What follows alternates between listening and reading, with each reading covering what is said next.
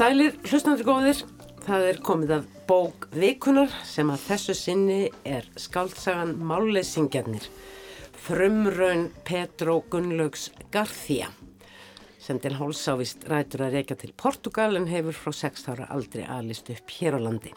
Petro Gunnlaugur er mentaður í félagsfræð og hagnitri menningamiðlun. Máleysingjarnir, þessi fyrsta bókans er mikið verk, ríflega 400 síður, Þannig að viðmælendur mínir, þau Björn Haldursson, rittuundur og gaggrínandi og Þórun Hrefna Sigurjónsdóttir, bókmentafræðingur og reyndar líka rittuundur og skrifað nokkrar bækur, hafa haft á mikið að lesa undanfarið. Velkomin bæðið tvö. Hvernig gekk ykkur svona að komast í gegnum þennan mikla doðrand og sem eru margt mjög óveinileg skalsa ekki sett? Já, eh, við, sko, mér gekk vel að komast í gegnum dórandin af því að ég frekar vöna að lesa, það var eiginlega eina sem ég hef gert í lífinu, en uh, þetta er óveinilegt og því leiti að sérstaklega vegna þess að þetta er, þetta er ungur höfundur og nýr höfundur að, að hann stökkur svona fullskapaður fram mm. með, með stórt og mikið verk og, og, og langt verk. Það er óveinilegt og mér finnst þetta að vera svona já, hún er svolítið erlendis þessi, þessi saga, þessi mm. bók að, þetta, þetta er svona mann gæti dótt í hug þetta væri jáfnvel sko þýðing þetta er, þetta er ekki mjög íslenskt mm. eða hvað fannst þér? Mm. Hún byrjar náttúrulega erlendis en sko í setni hlutin þegar við erum komið til Ísland þá var nú flest allt kannadist í vel við og það mjög svona beinskeitt úr samtímanum þannig að hann kemur inn á ímislega svona málefni sem eru alveg eiga, eru bara beint úr íslenskri þjóðsál alveg niður í hérna þegar, þegar strætóður að týna fólk, týna hérna krökkum með sérþarfir í strætónum sínum og öðru fleira sko. Mm. Já. Svona til að gera kannski hlustendum sem ekki hafa lesið bókina aðeins auðveldar fyrir um að fylgja eftir samræðum okkar hér og eftir ætla ég að freysta þess að gera öllstutta grein fyrir þessari bók Skaldsaðanmálesingarnir skiptist í þrjá hluta. Fyrsti hlutin gerist Erlendis í Búkarest í Rúmeníu á áranum 1989-1995 samsagt eftir hrun kommunismans. Það segir frá Simóni og sinni hennar Mikael sem og föður Mikaels Óttaf sem skindilega byrtist eftir að hafa setið í fangelsi sem pólitískur fangi. Óttaf yfirgefur þó fjölskylduna fljótlega, lendir í tíum við dýra, atferðlisfræðing, Kristefu að nafni og þau skötu hjóun taka stunda rannsóknir í samskiptahæfni dýra og sækja reglulega alþjóðlega ráðstefnu um það efni í Bukarest. Aðal gúrúin í þessum fræðum er Krópotkin nokkur sem trúir því staðfastlega að góð samskipti millir allra leifandi vera, manna og dýra muni bjarga heiminum um síður og letast við að sína og sanna tjáningarhæfni dýra og beitir til þess öllum bráðum, misheiðalegum Um, þá í öðrum hlutabókarinnar erum við komin til Íslands og fylgjum eftir sískinunum Finni og Bergþóru og fórildunum þeirra Salvuru og Hannesi á árunum 2000 til 2016. Finnur og Bergþóru eru úlingar í byrjun og orðnar ungar manneskjur undir lokinn. Fóreldrarnir hafa þá skilið, fadurinn er heilsuleus, strætisvagnabilstjóri, móðurinn lætur síðan lífið á slísförum og börnin erfana. Og í þriðja hluta er svo tölvunördin og hasshausinn finnur lagstur í Evrópureisu fyrir arfin en Bergþóra sem er með sjálfsofnæmi og því með öllu hárlaus orðin upplifunar hönnuður á EHCR, alþjóðleiri sjúkrastofnun sem sérhæfir sig líknardauða. Hún kaupir sér íbúð fyrir arfin og býr þar með sjálfsjálfar görnum kærasta sínum ylluga. Samband þeirra er misgott. Reykjavík er líka sögusviði í þriðjarhlutabókarinnar þar sem þræðirnir úr báðum fyrri hlutunum frá Búkarest uh, og, uh, þau, og lífið þeirra Bergþóru og Finns koma saman vægafsagt með óvæntum hætti. Uh, aðspurur um það hvernig bók Uh, hann hafi ætlað að skrifa, sagði Petro Gunnlaugur í viðtali við Víðsjá í vikunni. Uh, skulum heyra það snöggvast áður en við höldum áfram og ég byrði okkur kannski um að bæta einhverju inn í þessa lýsingu mína. Það sem að mér langaði til þess að gera var að skrifa eitthvað yfirgengilegt í raun. Vilt og, og, hérna, og full af grótesku og yktum aðstæðum, fáránleika og svona sérkjölum húmor. Og svo þegar ég var byrjar að segja þessa sögu að þá tók dálítið annað völdin og ég sko, heitlaðist meira og meira af bara að, að búa til og, og leifa personum að, að þróast og, og, og þá varð fókusin meira á, á, á þær eftir sem áleið heldur en, uh, heldur en hryllingin og, trillingin sko. En uh, svo endaði þetta sem bræðingur af, af þessu tönnu.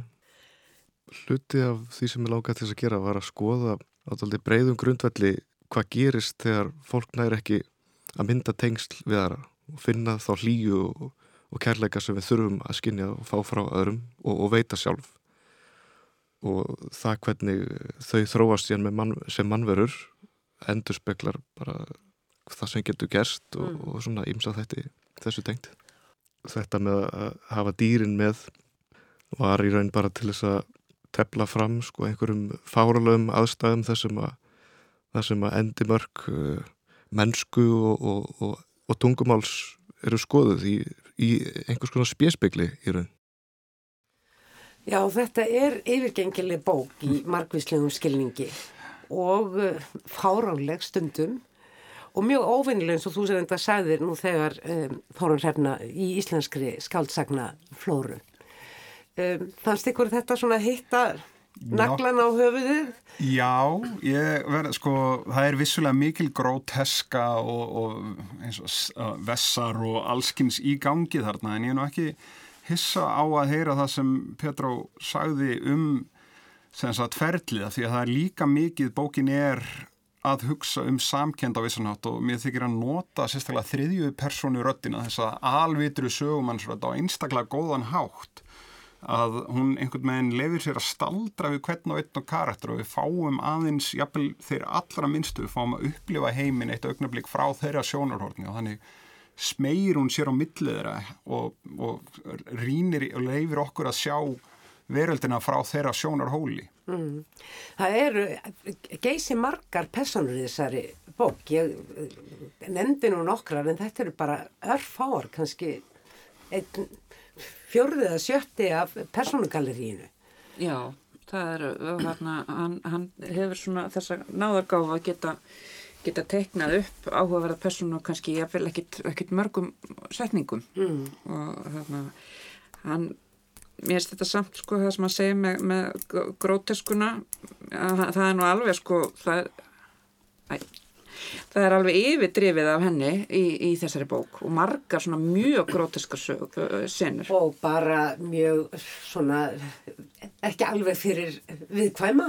ekki fyrir eldri konur eins og mig mikið af vessum og kjöttæjum og, og, Úrgangi og Já. allskins. og líka þessar, sko, þessar senur sem eru það sem er mikil upplöst svona karnivölsk ringulreið og ég varst það, þú veist, hann, hann gerir það og þetta er greinilega eitt af hans áhuga málum að, að svona demba mann svolítið í, í þannig hluti en ég er sammála ykkur með personurnar að, að þær eru margar og mjög áhugaverðar Og þrátt fyrir að vera svona margar, hann uh, segir jú frá í þriðju personu og uh, er svona alvitur sögumadur og hver persona nánast fær svona sinn kabla. Þegar að einum kabla líkur það hefst annar og maður veit stundum ekki alveg í byrjun hver kemur uh, nú fram á sjónarsviðið. Og það er sára sjaldan og ekki út af personunum sem maður að vil fletta til, tilbaka því að þær eru ótrúlega ljóst lifandi, jafnvel þótt þær gegn ekki stóru hlutverki, tek sem dæmi afa og ömmu Mikaels í Rúmeníu sem að koma þarna stuttlega við sögu með reyndardáldu aðdrjáríkum hætti en Já, og dregnar mjög skýrum dráttum. Það, það, er, er ekkit, hann þarf ekki að dvelja lengi við til þess að maður fái mynd af, af persónum og það er, það er sér gáfa, sko. Samt kafar hann nú alveg sko djúft inn í bæði fortíð og framtíð þeirra, bæði þeirra og eins og eitt af litlu götubörnunum að þú einhvern veginn hann staldrar við og gefur þeim rými í textanum og einmitt af því að þetta, hún er ekki svona fókuð á einhvern ákveðin einn aðalkarakter þá færist þetta vægi svolítið á milli personuna mm. og það er allar svona fá sína stund til að stíga fram. Já, og allt í gegnum þessa rödd sem bæði hefur sín einn sérkenni þó þessu er lúmsk og eru, er mjög nittin og flott þegar hún vil vera það en kann líka að bara draga sér tilbaka og leifa karakterunum að tala. Jafnvel út að þátt hún fari ekki endilega innan í fyrstu personu mm. eða innan í, þú veist, þá vitund karakterun, þá svona holdgeri röddin sig svolítið hvaða karakter það er sem hún er að ávarpa hverju sinni og leifir þeim svolítið að eiga þann texta sem mm. snýra að þeim. Og það er líka ótrúlegt þarna í þessum köflum sem gerast í Búkarest, þetta er jú hafa ákveði tímaskeið sem yfirskrift kablarnir og það hafa Ísla, kablarnir og Íslandi líka. Uh, annar hlutin gerist hvað 2000 og uh, kringum aldamótin. Já, kringum aldamótin til 2016 og síðasti kablin frá 2016 til 2019 uh, ef ég mann rétt. Já. og hann tekur svo mikið úr svona hennu samfélagslega og sögulega umhverfi Við erum þarna með Sjásesku sem að hérna eh, er, er hengdur. Það var skotin er endar. Það er einræðis hjúin voru skotin í, alveg, í sjónvarpinu.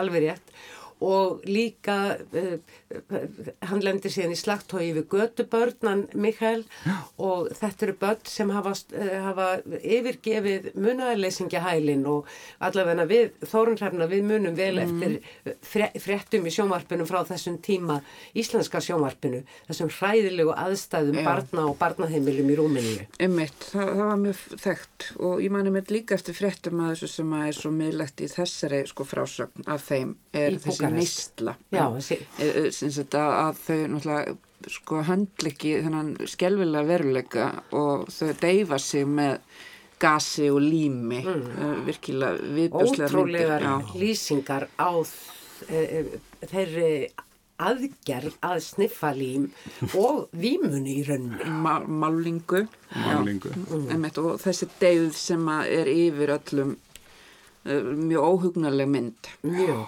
Mér fannst samt sko sérstaklega í þeim af því að ég, ég fyllist alltaf eilitlum ugg of þegar íslenski rítöfundar breyða sér til útlanda.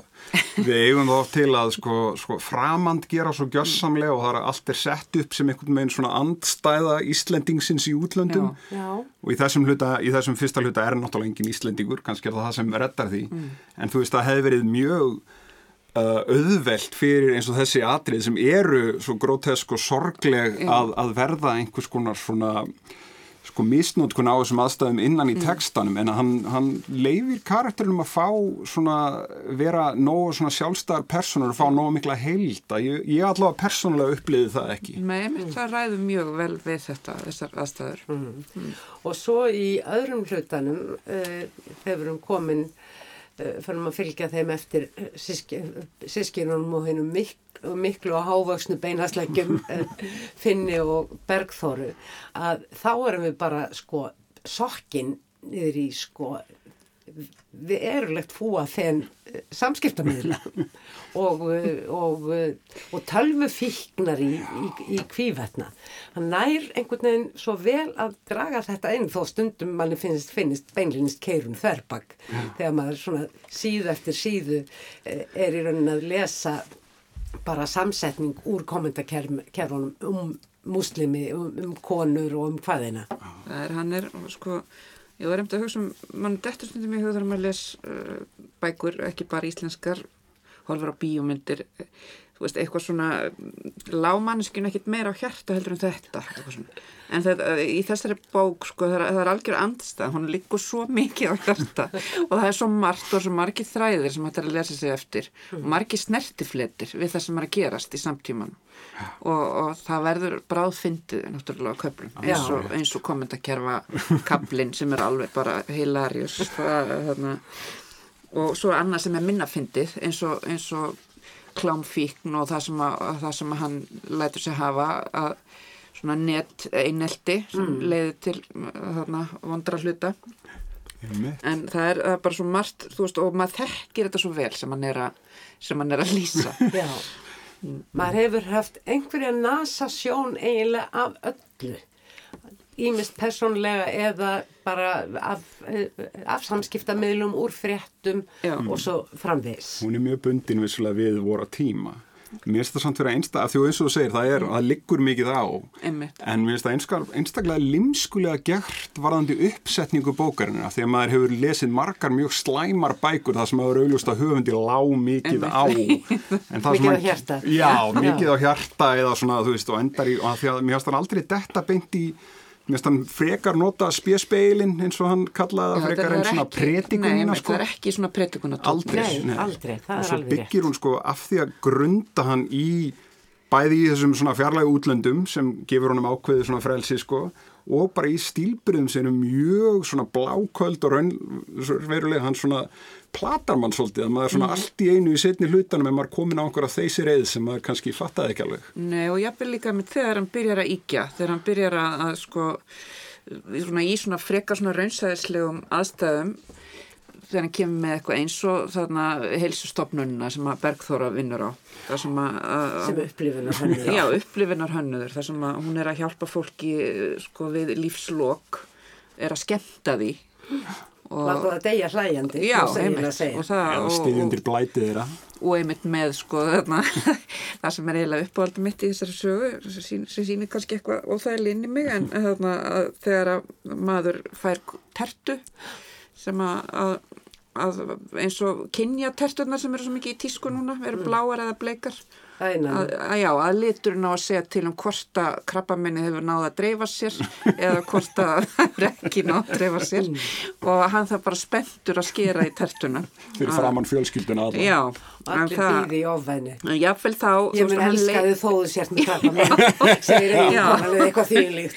en það, þú veist, hann leiði mann svona limskulega inn í svona fáránleika sem mér, var, mér fannst mjög skemmtilegt Og uh, sko, öll þessi svona heilsu umræða, bæði svona sjúkdómavæðing, mm. fadir þeirra sískina er jú sko undirlagður af nánast bara öllum sjúkdómum. Hann er æði, hann er eiginlega uppáhaldum mitt, hann er strætóbílstjóri á leið 13 Alltaf sem er hérna virkur á kommentakerfum, virkur eins og eldfjall. einmitt.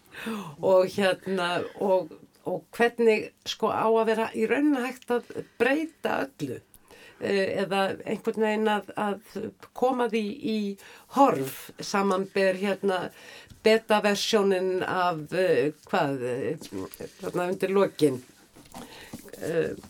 þegar að þau eru búin að beta-versjónin á ódöðleikanum Já, áður en við, þó við fyrir kannski ekki alveg út í það strax því að við eigum náttúrulega hérna eitt mikilvægt tema bókarinnar til góða já. Við höfum svo sem minnst á það, þetta, þessi bók fjallar um, um, um, um samskipti og að ná svona einhvern veginn tengslum. En, hann- og hann beitir höfundurinn margvíslegum uh, bráðum og margvíslegum uh, frásögnum til þess, meðal annars uh, þessari dýraráðstefnu og dýr koma jú mikið við sögu. Uh, Móðir Mikaels vinnur hjá hérna feldskera og feldurinn sem við nota í feldina kemur úr dýragarðum því að það er ekki neinn dýra að fá. Setna uh, hérna erfir hún þessa uh, hérna, þetta feldskurðarverstaði og það verður að uh, hams, uh, hamskurðarverstaði og þau búa til dýr Já, stoppa upp mæðginin. dýr. Já, og uh, Okta fer nú að vinna í dýragarðu, það verður nú stutt um þann starfsferil því hann, leiðist ofin einhver göng og þessi göng enda í húsi fólksins ef ég mann rétt, mikill byggingu og þar er þessi ráðstefnu og hann gengur inn í þessa atferðlis ráðstefnu uh, dýrana og þar er í framvarðar sveit personan Krópotkin sem myndist á áðan, skemdur maður í þráhyggju sinnu um eðlileg samskipti allra líkamlega afskræmdur og, og jafnvel uh, geggjaður en mikið átrúnaðar góð í þessum fræðum. Og uh, uh, það var þú bentir mér á það Björn að uh, þessi Krópotkin hann á sér nafna, sögulegan nafna sem var upp um kringum aldamóti 1900 og setti fram aðtiklisverðar kenningar um samvinnu og reynda líka um samkeppni í samfélaginu. Skur, og baðst með mig um að spyrja Petur og Gunnlaug út í hvers vegna hefði, hefði valið þetta nafn. Við skulum heyra hvað Petur og Gunnlaugur, hverju hann svaraði. og vísunin í, í þennan mann sko, sem var, já, rússan að, hún tengist sko, þessari þráhyggju Kropotkins sem að uh, er af jákvæðum toga, hann vill hann vill og meinar vel. Hann vill finna einhverja leið til þess að að menn og dýr geti miðlað uh, sínum huga til annara uh, til þess að við skiljum hvert annað og finnum þar, til, þar með til samhygðar. Eitthvað sem hún finnst að var skort á sérstaklega í sín eigin lífi.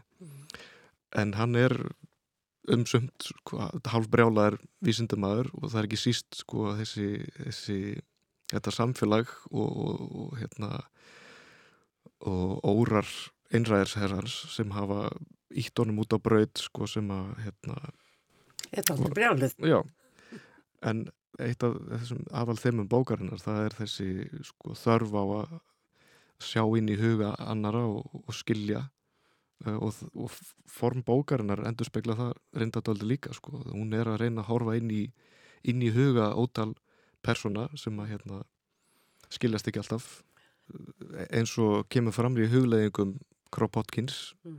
að allir eiga sitt ríkulega innra líf og, og, hérna, og, hugsanir sem að miðlast ekki nema mjög ófullkomna hætti til annara og það verður þá oft þessi mikla gjá á milli og, og sérstaklega fólk sem að á að standa sem næst hver öðru og það var, það var sprettur margt úr þessum texta. Já, uh, þetta, þessi dýraraðstefna, við tölum aðeins um hana, hvernig, hún var dálítið mikið, Hún var vissulega, þar, þar byrjaði kannski brjálaði fyrst svona að streyma og fara á stað.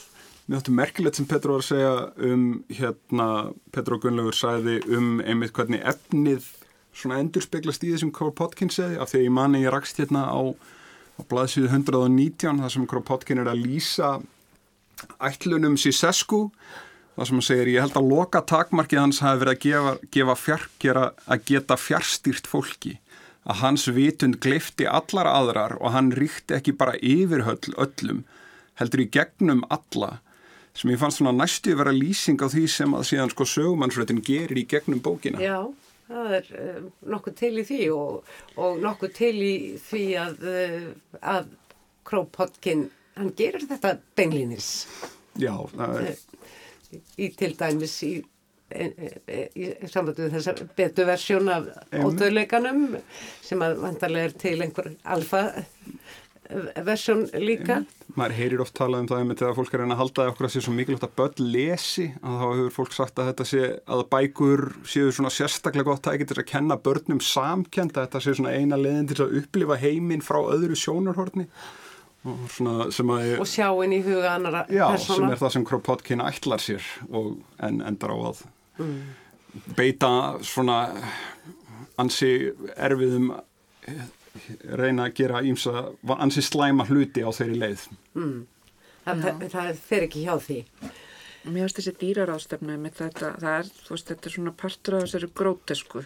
Það er, uh, sko, menn verða, uh, dýrin verða svona, uh, hafa mannlega eiginleika, eins og þú veist, þau geta talað. Og, og meðan er Míhæl, hérna, hann orgar skinnlaust er sagt á meðan að, að, að dýrin tala uh, og mönnum er þráfaldlega líktu dýr í þessari bók. Að, að til dæmis í þessum svona fordóma hlöðnu köplum þar sem að, þar sem að vera að tala um síkuna sem skeppnur og, og, og eitthvað svona að mér finnst líka áhugavert með þegar tjáningin kemst í gegn þegar þau gefu, gefu út ljóðabókina og Oktaf og, og Páagaugurinn mm. Að þá fannst mér það var svo kaltænislegt að loksis sem þegar við förum að skilja dýrin þegar dýrin fá til á sig þá er það ekki að segja neitt merkilegt.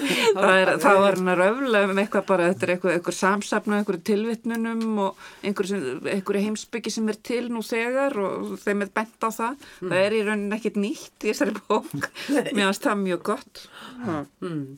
Nei og líka um, þessi, uh, þessi langa samræða alígæsana Já. um það hvort að sé gott eða slæmt að vera alígæs og láta ala sig til þess að verða síðar fói gra og, Já. og, og gera einhvern, einhverja mannesku glada. Hvort það sé að verið að neyða matinu ofan í þeir eða hvort það séu viljandi að leifa matnum að vera neittur ofan í sig, hvort það sé þeirra ákverðinu eða ekki. Já, Já, stokkandar heilkenni það er einn sakar aðra um að vera með stokkandar heilkenni að njóta þess að láta pína sig Eh, En ég held uh, svona, þegar ég heyrði um þessi dýra, þetta uh, væri, já hvað ég segja, væri eitthvað svona alvöru en þetta er bara hreinlega svona bókmyndalegt trikk sem hann, beitir þarna af mikill í feimi.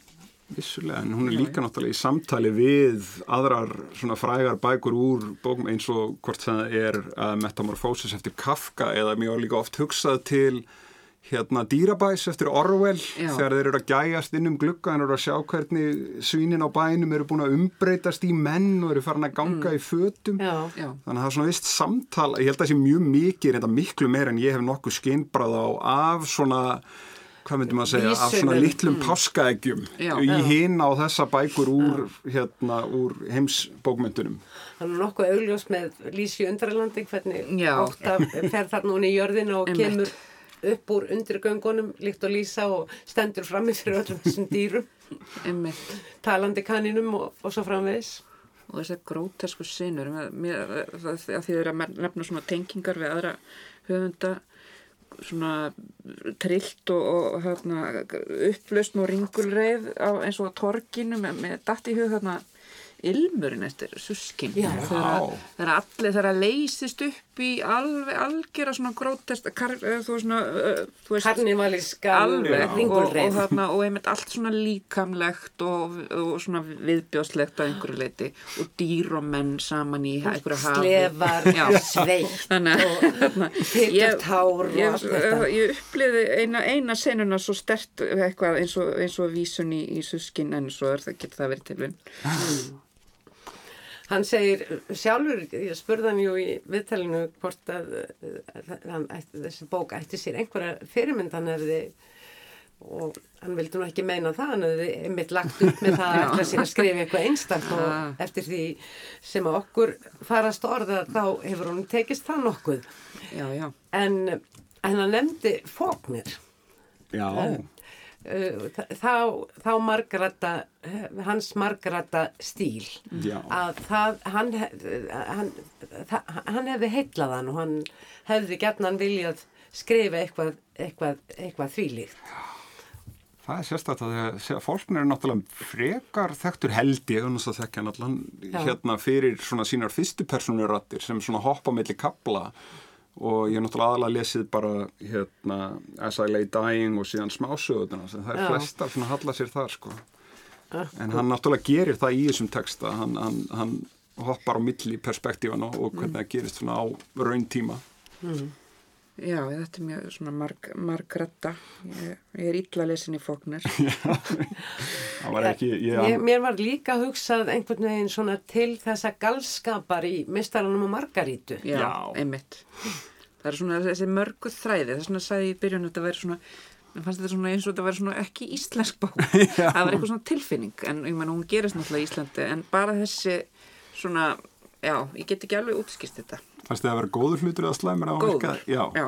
Alveg það hérna, var styrklegi já, já, góð, hann er Það sem ég verð líka að segja að ég dáist mikið að í þessari bók er hvernig honum tekst einhvern veginn að sigla þessu mikla flegi uh, í gegnum sko hvert plottið að fætur öðru, hnýta, hnúta hér og þar, stundum er þráðurinn orðin ansi langur sem er, sem er nýttur, eða bara hreinlega að segja skilið við personur eða, eða aðstæður og síðan ekki söguna meir um það. Og maður sættir sig algjörlega við það. Já, já, maður saknar þeir ekkert ef hann hefur ákveðið að skilja þeir eftir. Það er af sér. Nei, mér finnst það einmitt að því að þú veist, að því vorum að tala um einmitt í upphafi, þetta væri svona eh, svona mikil bók og margratta og, og það er einmitt ekki, hún er ekki flókin. Það er ekki erfitt að halda þræði eða einmitt eins og vorum að tala um áðan að maður þurfa að fletta tilbaka eða eða sé verið svona hálfpartin að reyna að spila með mann og láta mann sko hafa fyrir lesturinn, það er ekki svoleiðis þetta er mjög svona rennum mjög svona ljúflega Já, þó að maður svona staldri við ímsan óhugnað og svoleiðis algjörlega. Ég var svo heppin sko að ég las hana reyndar fyrir jól. Þannig að Þú skrifaði jó gaggrinum. Já, ég skrifaði gaggrínu um hana fyrir bókmyndaborgina. Þannig að ég var svona, þú veist, búin að því og búin að leggja hana svolítið frá mér. Þannig að því ég fekk símtalið um að koma hérna og tala um hana, þá, þá gæti ég eiginlega bara svolítið svona dúlla mig við það að fletta aftur í gegnum hana. Og það var mjög sérstakt því að þá einmitt getum að staldra við svona hin, hitt og þetta svona lítið og skemmtilegt sem er svona styrklega út af sig. En svo var það líka að því að náttúrulega sko fljótt á litið þegar maður byrja fyrst þá virkar þetta í, alveg í byrjuninni einhvern veginn þá virkar þetta bara eins og tvær skáldsöðu sem eru saman í eina mm. saminuð í eina. En það er alveg meina fyrsti og annar hlutin en það er algjörlega ekki raunin og þegar það byrja að saminast og það sem ég varð var við núna ég var að lesa þetta aftur eða svona lítið á þetta aftur var hvað þetta er úthugsað, hvað það er mikið í þessum fyrsta hluta í fjarlægu rúmeníu sem einhvern veginn snertir á öðrum hlutunum og tengslina maður eru lúmskar en maður heldur sko. Vísbendingar um það sem að, Já. hvernig endurinn er. Ég, ég verða að viðkynna, endurinn kom mér sko fullkomni opna sköldu. skulum ekki segja meir um hann Nei, en líka bara sko hvaða personur dúkka upp síðastu hlutin gerist jú á Íslandi Já. og þá hljóta einhverjar personur frá Rúminni að koma hingað. Og uh, hvernig hann sko snýr þessu í rauninni þarna alveg undir lokin algjörlega upp í, að ég veit ekki hvað, ég er ekki mikil tölvuleikja manneska, hvort að þetta er eitthvað sem minnir á það, en allavega upp í einn allsherjar sko eldingarleik og, og, og, og glæpa uh, thriller. þar sem að sko málið snýst ekki um einhver jújú, jú, það eru þarna undirleikjandi temu alltaf ennþá í gangi. En það eru bara hlaup og, og, og slagsmál og eldingarleikur og bíl og, og komast í einhvern sumabústað Já, það er svolítið eins og hann hafi sko, það, ég upplýði það allavega hann í loka sprettin, þá var eins og hann sko væri einhvern veginn bara svona festa klærnar í manni og maður komst ekkert í burtu Nei. það var orðið allt og seint að bakka af þegar að þetta var orðið alveg klikkunin var orðin svo mikil og rosaleg mm. og, og að, að maður, að maður varð bara að, bara að láta sig hafa og bara keira áfram með þessu brjálæði bara að sigla skipinu í strand sko á góðan hátt, það er kannski Já. ekki besta líkingamáli til þess að nota en hérna, er þetta er þetta dystopísk skaldsaga? Þetta er samtímasaga vissulega, þó hún fari aðeins aftur, þetta er nú ekki nema 30 ár. Já, ég var myndið að hugsa um það því þetta er sko, sko þetta, er, þetta geti gest í einhver svona hlýðarveruleika. Þetta þetta er náttúrulega ártöl sem eru núna þegar liðin. Vi, Við erum sem sagt, Já, þannig en að... þetta er samt, vísar einhvern veginn til þetta hefur mjög sterkar skýrskotanir í, í, hérna, í samtíman en svona ætti að geta gest í, í framtíðinni en í, jú, Sumt er mjög, eh, svona, eh, kannski er þessi framtíð sem að þannig kemur fram, eh, eða eða manni finnst vera framtíð, kannski er hún bara nú þegar samtíð. Já, Samanber uh, hérna þessa alþjóðlegu sjúkra. Já, já. Það, það er alveg, hérna, mér, mér dætti um til huga eitthvað svona hlýðar, hlýðarheimur en, en þetta er ekkit, er vola fallegur heimur sem hann þarna Nei. lýsir þarna. Nei. Það er mikið hatur þarna og reyði og einmitt tengsla. afskiptaleysi og tengslaleysi sem að bara er einmitt og hann segir, var hann ekki viðtalinu við þig sem að sagði að þetta er einmitt sko ástleysið og, og svona þess, þetta að maður sé fá ekki einu svona umhyggju frá þeim sem að standa manni næst þetta, er, þetta er náttúrulega horror Já. Að því leiti er, er hún dystopísk Samt sko var, kartinni voru samt á einhverjum ástæðum sveipaður svo mikill umhyggju og gerðir svo raunverulegar og jafnvel eins svona, jafnvel sko verstu netröllin og, og hriðilegustu hérna karlar réttinda sinnarnir fengu einhverjum svona smá mannlega, þeir voru svona, við höfum kannski meira brjóstum kennilegir og köflum sko. já, en á milli þeirra er, er alltaf sko þetta að það, að það var skortir eitthvað. Já. Er, algjörlega. það er skorturinn sem að... Það er engin hjón eða kærustupar, sístkin uh, eða feðgar eða feðgin sem að einhvern veginn ná saman. Það er alltaf uh, þessi ísklumpur á, á milli sem ekki er hægt að komast í gegnum. Algjörlega. Og það er út úr náttúrulega skjálfilegt. Það er hérna, og svona það er svona ákveðin samt líka svona einhver svona nýhilismir, eitthvað, maður, fæðist og deyr, skiptir engum máli, ekkert skiptir máli, eitthvað svona, kemur hann inn á milli, en svo náttúrulega sýnir hann á öðrum stöðum á bókina, auðvitað skiptir mjög margt máli. Mér fannst vera þarna uh, einhver einn kapli sem að mér fannst gæta svona eilítillar fegurðar. Já. Svona í náttúru Nú lýsingum. ekki mikið um hana þannig að ég Nei. segi, Það kemur inn á milli. það verður að hafa fegurina sem að geta skjálf í ölleikann. er þetta ekki bara hér? Skíin liðu hæg og þung fyrir ofan grá himnesk stórkfeli. Fuglin staðnandist og horfið til þeirra. Þau stoppuðu líka. Hann baðað út stífuðu vangjum sínum, fjaður berum og bækluðum, ók þeim upp og niður, hljóp af stað og blakaði geturlausum útlimum, fór á hratt og rasaði. Þau stóðu kyrr og fylgdust með þessari hrigðarmynd. Ó nei, stundi Bergþóra, er hann að reyna að fljúa? Það er, það er einhver viðkvæmni og, og, og samhegð í þessu sem er ekki mjög algeng í þessari, uh, þessari Nei. bók. það er samt verið að lýsa hreyðarmynd. Já. það það hlýtt að vera nei, þetta er, uh, hann uh, sko, hann er sko góður stílisti þessi drengur, hann Pedro Já, Þarna. Það er mikil, uh, mikil orðgnótt en mér finnst stílinn samt aldrei tilgerðarlega. nei, Nei. það er bara hreint ekki og eiginlega bara svona svolítið furðulegt að hann, eða það er nú útskýrt endar, hann útskýri það að hann hafi, hann hafi náð svona færni að skrifa hend öllu síðan meldir hann svona þessa hugsun og hvort hann ætlar að vera rittöfundur þannig að meðgöngutímin er, er kannski langur þó þetta sé hans fyrsta verk Já, hann er náttúrulega ekki alveg kopnungur. Nei, nei. Ekki, hann á færtursaldri já, eitthvað svo leiðis. Einmitt. Og uh, svo segir hann í viðtalinni í viðsjá að, jú, þa- uh, eins og við heyrðum, hvers konar bókan hafa ætlað að skrifa og honum virðist hafa tekist það nokkuð vel. Já. Og uh, en næsta bók verði allt öðruvísi og ég held að við hljótum að geta verið bara afar spennt að, að fylgjast með því hvað kemur frekar frá Petro Gunnlegi Garþía og ég verða að segja ég held að þið takkið undir það að, að fólk er hvað til þess að Vissulega. gefa sér tíma til þess að lesa þessa fjórindu já. síður. Þetta er skemmtilegstn þrátt fyrir já, allt. Og einstaklega bara limskuleg. Myndi ég að segja, það er svona eitt sem helsta sem kemur mér til huga, bara að maður er plataður með í þessu ferð. Þetta getur orðið, orðið seria, Netflix-seria, hvað þið? já, þá er þetta mjög svona myndrænt Já. þetta er sko, ef maður, maður sér fyrir sér eins og þessar þessar þessi senur og neðanjarðar, kvelvingar og göng og rángalar og Ég svo held ég myndi slökka á þessu, þetta var í Netflix-serja. Ég held að eitthvað svona getur bara komið til skila í skáldskapa pappír, sko. Já, þannig að hver og einn getur haft út Já. í sinn heim eins og honum passar. Nákvæmlega. En ég held að við komumst ekki öllu lengra með þetta áhugaverða skáldverk, málisingjarnir eftir Petro Gunnlaug Garþía að sinni, enda margt þegar um það sagt. Ég vil þakka ykkur, Þórun Hrefna Sigurjónsdóttir og Björn Haldarsson, fyrir afskaplega áhugaverða samræðu.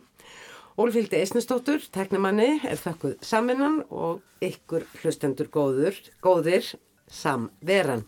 Ég minni á heimasíðu þáttarins rúf.is skástrygg bók vikunar verði sæl.